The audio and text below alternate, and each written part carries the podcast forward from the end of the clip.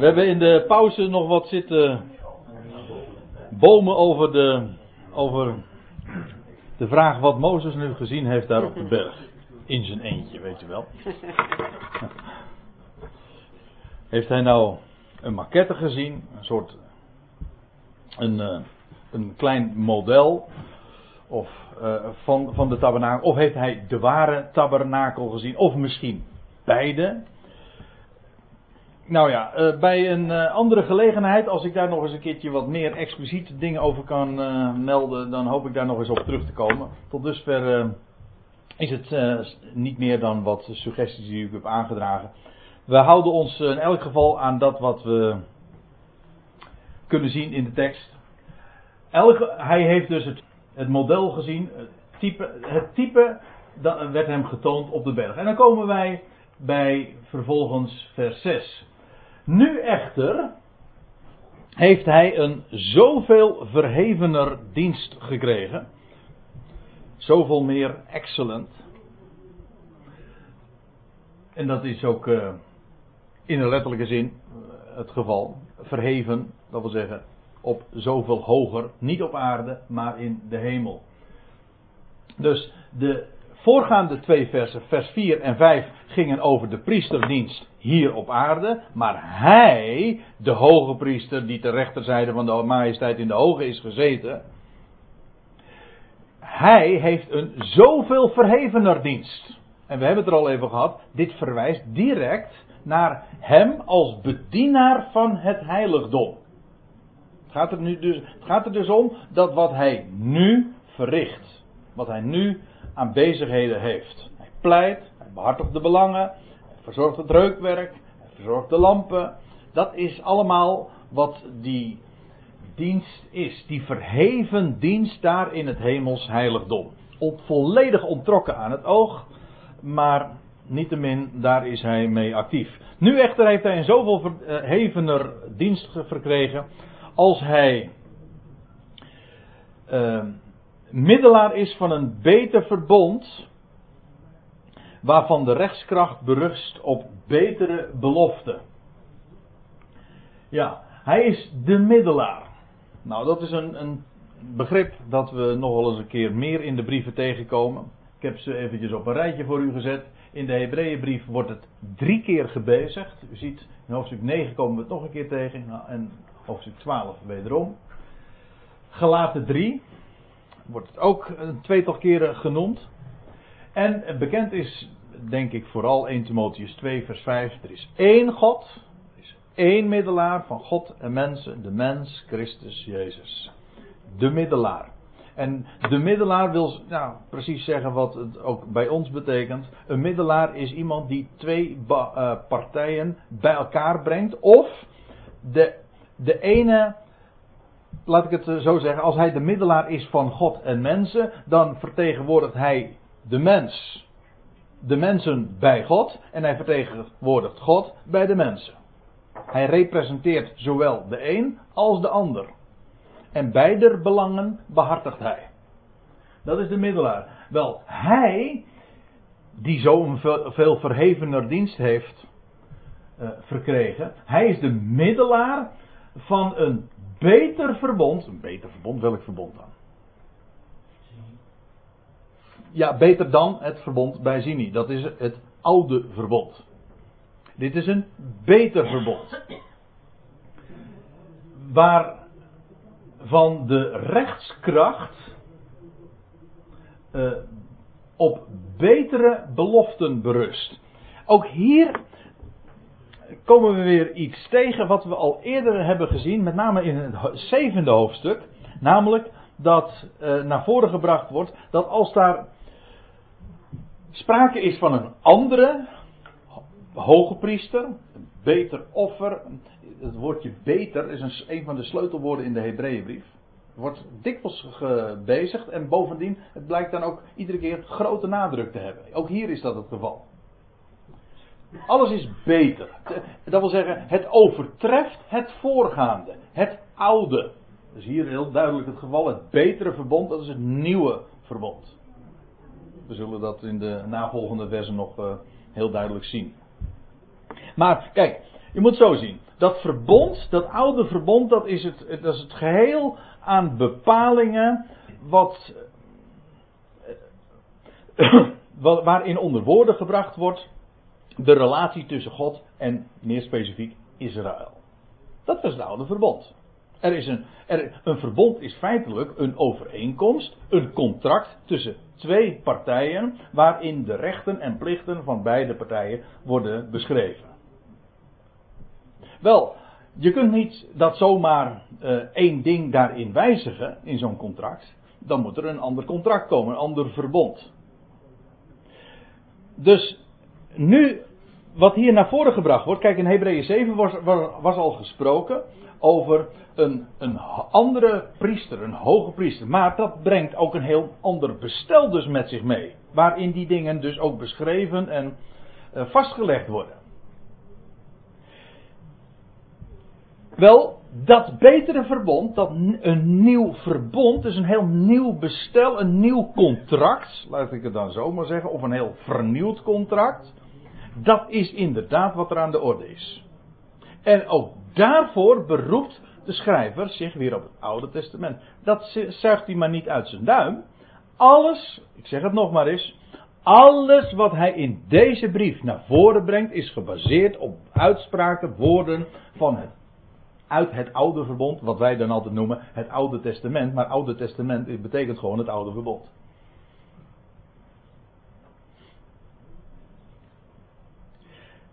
En in dat Oude Testament wordt inderdaad dat nieuwe verbond al aangekondigd. We zullen dat straks in een uitgebreid citaat ook zien. Maar eventjes eh, de puntjes nog op i zettend. Hij, hij is de middelaar. Zoals Mozes de middelaar was. Misschien kan ik dat dan toch eventjes uh, laten zien. Want juist omdat die beide ook hier worden uh, tegenover elkaar worden gesteld. Galaten 3. Daar lees je. Ik heb, het nu, ik heb er geen diaatje van. Dus ik lees het maar zo even voor. Ja. Nou, ik lees even voor. Galaten 3, vers 17. Dan zegt Paulus dit, ik bedoel dit, de wet die 430 jaar later is gekomen, dat wil zeggen nadat God de belofte had gegeven aan Abraham, maakt het testament, of beter, oh, er staat weer hetzelfde woordje, uh, het woord verbond. Is niet testament. Dat is een heel ongelukkige weergave. Een verbond is absoluut geen testament. Die, dat, uh, die, die terminologie die wij hebben, en ja, ik, ik je conformeert je er altijd enigszins aan omdat dat nu eenmaal het spraakgebruik is. Maar het is ongelukkig woord, want God maakt geen testamenten. Om een heel simpele reden. Hij is de levende God. En uh, waarom zou hij een testament moeten maken?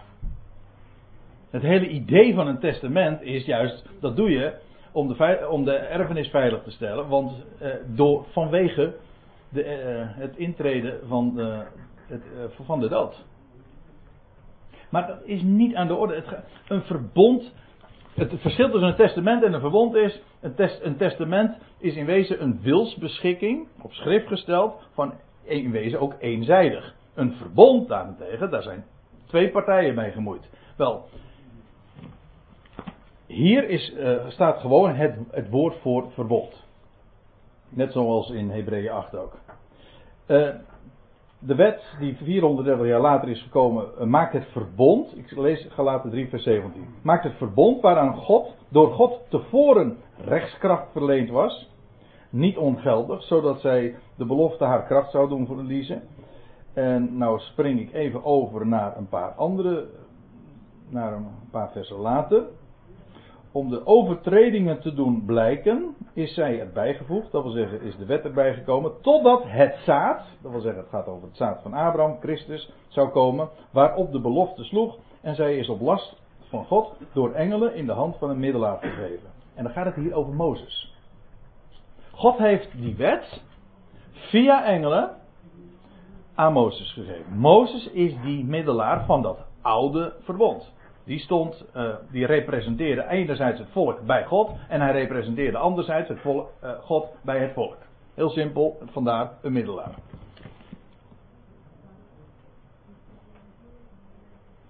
Ja, dan komt dat ook in vers 20 nog aan de orde, maar goed, dat laat ik maar eventjes rusten.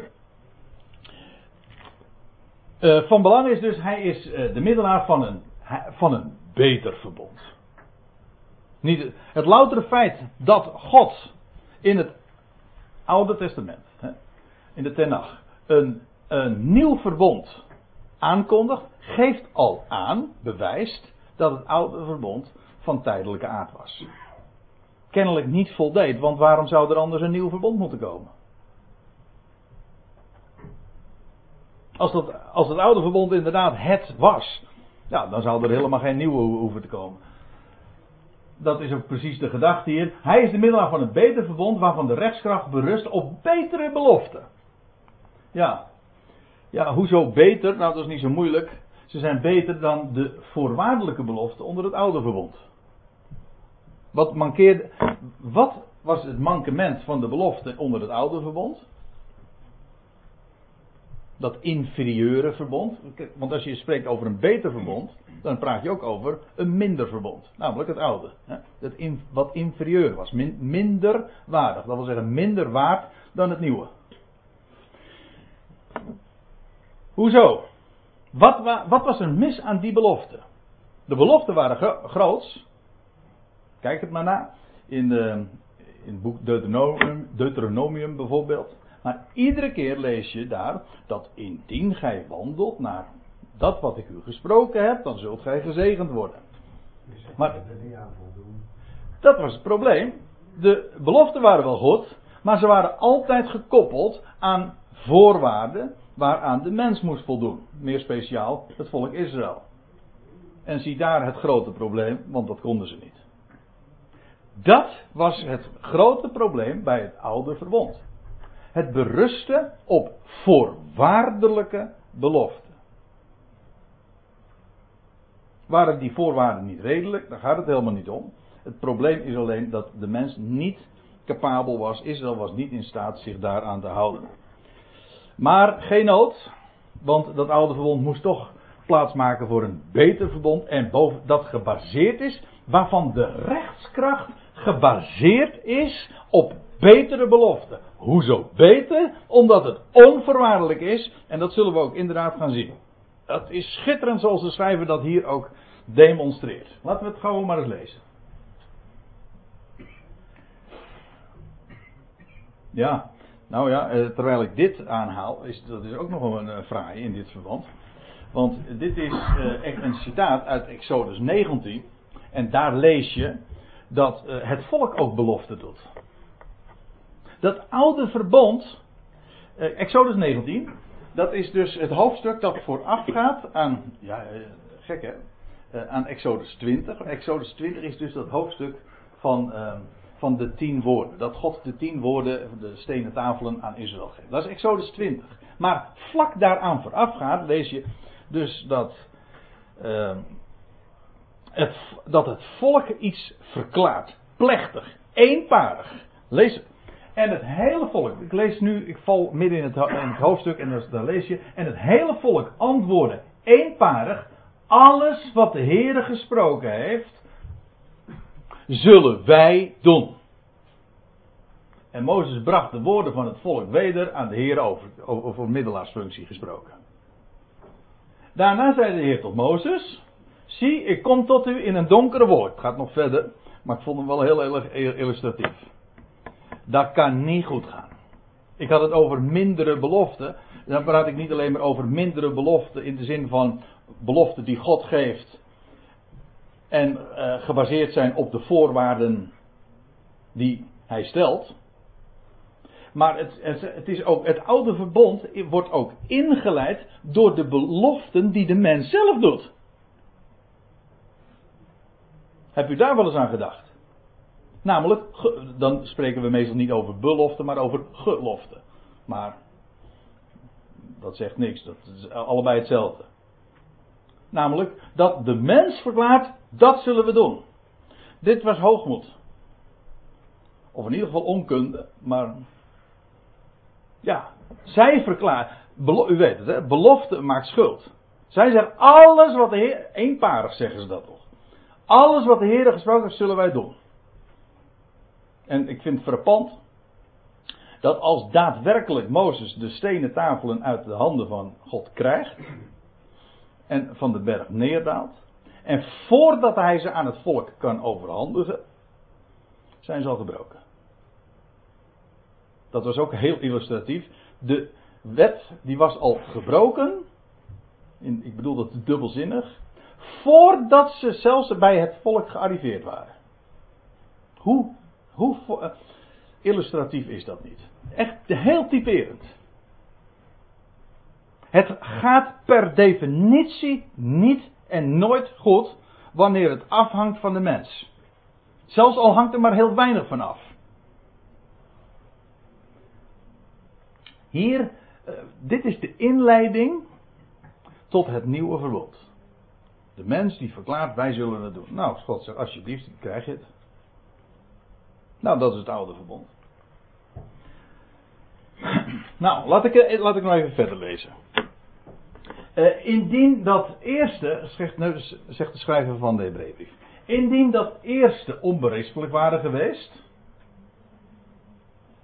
ja, dan zou er geen plaats gezocht zijn voor een tweede. Dat wil zeggen, dan, dan had er geen ruimte geweest en ook geen eh, ruimte gezocht hoeven worden voor een, een nieuw verbond. Dat lijkt me nogal wieders, maar daar hadden we het al even over. En nou komt volgt een lang citaat uit het boek Jeremia. De profeet Jeremia. Is een heel bekend woord. Van de profeten. Eigenlijk dat ook een hele grote rol speelt in de Bijbelse profetie. Namelijk dat God in de laatste dagen een nieuw verbond zal sluiten met zijn volk. En de schrijver van de Hebreeënbrief haalt Jeremia aan om dat te laten zien. Dat nieuwe verbond. En hij laat ook zien waarom dat een zoveel beter verbond is. En waarom het gebaseerd is op betere beloften. Want hij berispt hen als hij zegt. Ja, dat is heel grappig dat, hij, dat dat een berisping is. Er wordt in wezen een belofte gegeven van een nieuw verbond. Maar in feite is dat ook een berisping. Dat wil zeggen, dat oude verbond, dat deugde niet. Dat was gebaseerd allemaal op jullie eigen onkunde en jullie eigen hoogmoed. De pretentie, wij zullen het wel doen. Dat wil zeggen, eigen werk. En daarmee ook eigen roem. En u weet hoe dat is. Dat stinkt. Dat is geen reukwerk, nee. Geen liefelijk reukwerk. Hij berispt hen als hij zegt, en ik kan u ook nu weer verklappen, dat is Jeremia 31, vers 31, makkelijk te onthouden. Zie, er komen dagen, zegt de Heer. Het is aangehaald trouwens uit de Septuagint, uit de Griekse eh, vertaling van het Oude Testament. Dat ik voor het huis Israëls en het huis Juda een nieuw verbond tot stand zal brengen. Ja, ik heb het uh, in kapitaalletters onderstreept, vet gedrukt, om even heel goed aan te geven met wie dat nieuwe verbond gesloten wordt. Want al vraag je dit nu aan een, uh, de gemiddelde christelijke theoloog, dan zegt hij: Nou, dat is heel simpel. Het oude verbond werd gesloten met Israël. En het nieuwe verbond wordt gesloten met de kerk, natuurlijk. Dat noemen ze dan ook de verbondstheologie. En dat eh, is gewoon, de deal is deze, dat eh, alle, ja, het is een deal, want een hele, en het is ook een heel gevaarlijk rollenspel, want dus, dat betekent namelijk dat al, altijd als God spreekt over Israël, Juda of Jeruzalem, dat is allemaal de kerk. Het is niet letterlijk zo, dat staat er wel, maar dat moet je niet zo nemen. Dat, is, dat zijn wij. Dat nieuwe verbond is met de kerk gesloten. Zo, zo wordt, dat is de officiële leer in de Rooms-Katholieke Kerk. Maar u dacht van ja, en de Reformatie heeft daar heel erg, uh, helemaal verandering in gebracht. Wel nee, die heeft gewoon overgenomen. Die hele gedachte is gewoon meegenomen. Dat noemen ze de vervangingstheologie. Dat wil zeggen, het, alle beloften, de vervloekingen zijn bij Israël gebleven, zeg maar, en alle, alle goede dingen, die heeft de kerk overgenomen. Nou, dat bedoel ik nou met een deal, maar het is gemeen. Bovendien, dan moet je, ook het, dan moet je alle bepalingen ook gewoon wijzigen. Dat is een vrolijke ruil van. Uh... Ja, dat is niet een vrolijke ruil. nee. En er staat een convenant. Ja, Dat is gewoon exact verbond, hè? dat is verbond. Ja, want er staat vertaling is gewoon of testament. Ja, ja maar het, eh, dat is nou typisch zo'n voorbeeld waarin het, eh, de, waarin de Statenvertaling, ik spreek daar soms met eh, heel complimenteus over, maar dit keer echt niet. Want de Statenvertaling spreekt consequent in het Nieuwe Testament over testament. En dat is consequent dus fout. Het enige wat je kunt zeggen, ze doen het concordant. dus ze doen het altijd fout. Dus dat is, wel weer, eh, dat is dan wel weer, dat spreekt dan wel weer voor ze. Maar het woord testament, nou daar had ik het al even over. Dat is domweg niet hetzelfde als een verbond. Totaal niet. Het geeft een heel andere gedachte. Het blijkt trouwens ook, want in het eh, Oude Testament, dat het Hebreeuwse woord voor verbond, kennen we trouwens wel, Brit. Eh, maar dat is inderdaad gewoon echt verbond. Zeker, niet, zeker geen testament. Hoe dan ook. Er komen dagen, dat wordt eh, voorzegd, eh, dat ik voor het huis Israëls, het huis van Juda, een nieuw verbond tot stand zal brengen. Dit is pakweg zes eeuwen voor Christus, werd dit bij monden van Jeremia uitgesproken. Hetzelfde, kijk, het is zo logisch als wat. Hetzelfde volk waarmee ooit het oude verbond gesloten werd, namelijk de twaalf stammen. Daarmee wordt ook het nieuwe verbond gesloten. De verbondspartner is exact identiek. Namelijk het huis van Israël, het huis van Juda, kortom de twaalf stammen.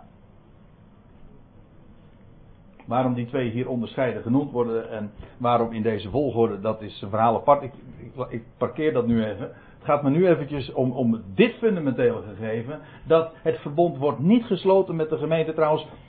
Dat is helemaal een onbijbelse gedachte.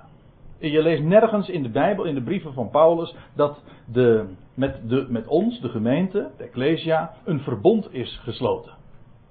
Dat is niet aan de orde. Dus, het is trouwens ook wel heel, heel gemakkelijk ook uit te leggen. Als je je realiseert dat het verbond een huwelijksverbond is. God sloot als bruidegom een verbond met zijn volk Israël en dat is de vrouw. En de bruid toog uit uit Egypte en nou, daar was een huwelijksfeest en er is een echtelijke woning. Dat, al dat soort, al die metaforen worden in dat verband gebruikt. En als de vrouw dan een andere man achterna ging, dat is afgoderij. Maar dat was dus feitelijk voor Israël hoererij. Kijk, ik bedoel, die hele, al die metaforen, eh, al die, die hele beeldspraak eh, is allemaal ontleend aan de gedachte dat oude verbond is een huwelijksverbond. Nou, dat nieuwe verbond trouwens ook weer. De bruid is Israël, ook dat vind je bij de profeten. Maar wij, wij gelovigen van de Ecclesia, het lichaam van Christus, maken wij deel uit eh, van een verbond? Is met onze verbond gesloten? Nee, dat is totaal niet aan de orde. Wij zijn niet de bruid of de vrouw, wij zijn zijn lichaam. Wij staan in een andere verhouding. Wij, zijn in, wij staan in de verhouding tot, onze, tot de Messias als hoofd en lichaam. Mijn hoofd sluit geen verbond met lichaam. Dat is mijn, mijn, ik heb een verbond gesloten met mijn vrouw. Maar je sluit niet, geen verbond met je lichaam. Dat is één geheel. Er zijn andere verhoudingen. Dat vind je ook daarom niet in de brieven terug. Wij verwachten, wij verwachten trouwens ook niet onze eenwording met, uh, met de Messias, zoals Israël daar wel op wacht. Als bruid. Nee, wij zijn één, uh, één vlees, één lichaam met hem. Als hoofd en lichaam. Dus ik wil er maar mee zeggen, zonder daar nu verder al te diep op in te gaan, dat de verhouding die de gemeente heeft tot de Heer is, niet, is geen verbondsverhouding. Daar komt trouwens nog één dingetje bij, misschien kan ik dat er ook nog even bij vermelden. Een verbond wordt altijd gesloten met een geslacht, of met een familie, of met een huis, of met een volk. Nou, de Ecclesia is geen volk, geen, geen, nee, geen volk, geen stam. Wij zijn individuen uit alle naties. Dus geen, we zijn, we, hoe, staat het ook weer in uh, Romeinen 9? We zijn een volk, maar geen natie. Dat is het. En wij zijn ook, uh, wij, hebben geen bloedbanden. Dus wij komen ook in die zin al helemaal niet in aanmerking voor een, uh, voor een verbondsrelatie. Nou ja, dit is, een, uitgebreid, dit is een omweg om gewoon vast te stellen dat het nieuwe verbond gesloten wordt met Israël en Juda. Maar u had dat hele verhaal van mij kunnen vergeten. En gewoon kunnen lezen wat hier staat. Staat er gewoon. Je hoeft al die dingen uh, er, niet eens bij te bedenken. Het is zo klaar als een klontje als je gewoon de schrift gelooft. Met wie wordt het nieuwe verbond gesloten? Nou, dan had je op voorhand kunnen zeggen dat moet met hetzelfde volk zijn als waarmee het oude verbond gesloten is. Maar bovendien, het wordt nog expliciet erbij vermeld. Wat wil je nog meer dan? En daar zal dat nieuwe verbond dus mee gesloten worden. En niet zoals het verbond dat ik met hun vaderen maakte. Nee, want dat voldeed niet. Ten dagen dat ik hen bij de hand nam om hen uit het land Egypte te leiden. Dat is trouwens ook een mooie, want dat betekent dat ze toen nog onmondig waren. Ze, want een onmondige neem je bij de hand. Notabene, dit wordt dus gezegd in Jeremia. En hier wordt eigenlijk een overzicht gegeven van de geschiedenis van Israël.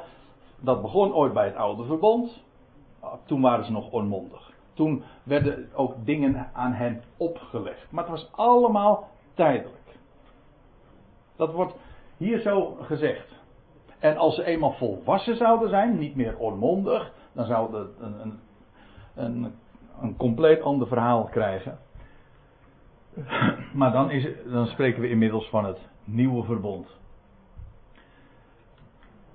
Ja, ik, uh, ik zie trouwens dat ik inmiddels uh, ja, in de helft nu van dit citaat ben. En het, wordt, uh, en het is inmiddels vijf voor tien. Dus het wordt toch echt veel te veel om dat hele citaat te gaan bespreken. Dus weet je wat? het lijkt mij heel mooi om met oud en nieuw, zo even voor oud en nieuw en na oud en nieuw, gewoon hier weer mee verder te gaan uh, over het oude en nieuwe verbond. Dus in die zin nog wel aardig getimed ook. Want dan zou ik dit allemaal moeten afraffelen, eh, terwijl over dat nieuwe verbond juist zulke geweldige dingen gezegd worden. En het enige wat ik nog eventjes ter afsluiting wil zeggen, en neem dat even mee, die betere belofte heeft, hebben alles te maken met het feit dat God onvoorwaardelijk zijn garanties geeft. Het nieuwe verbond wordt gekenmerkt doordat ze het volk niets wordt opgelegd, maar God zegt zeven keer: Ik zal, ik zal, ik zal. Iedere keer. Zonder dat er iets gevraagd wordt van Israël. Dat kan dus niet stuk gaan. De verplichtingen, bij een normaal verbond liggen de verplichtingen aan één kant, of aan beide kanten, bij het nieuwe verbond niet. De verplichtingen zijn geheel eenzijdig. Kan niet verkeerd gaan. Daarom is dat nieuwe verbond ook een blijvertje. Dat kan niet misgaan. Nou, met uh, die gedachte wil ik graag vanavond afsluiten.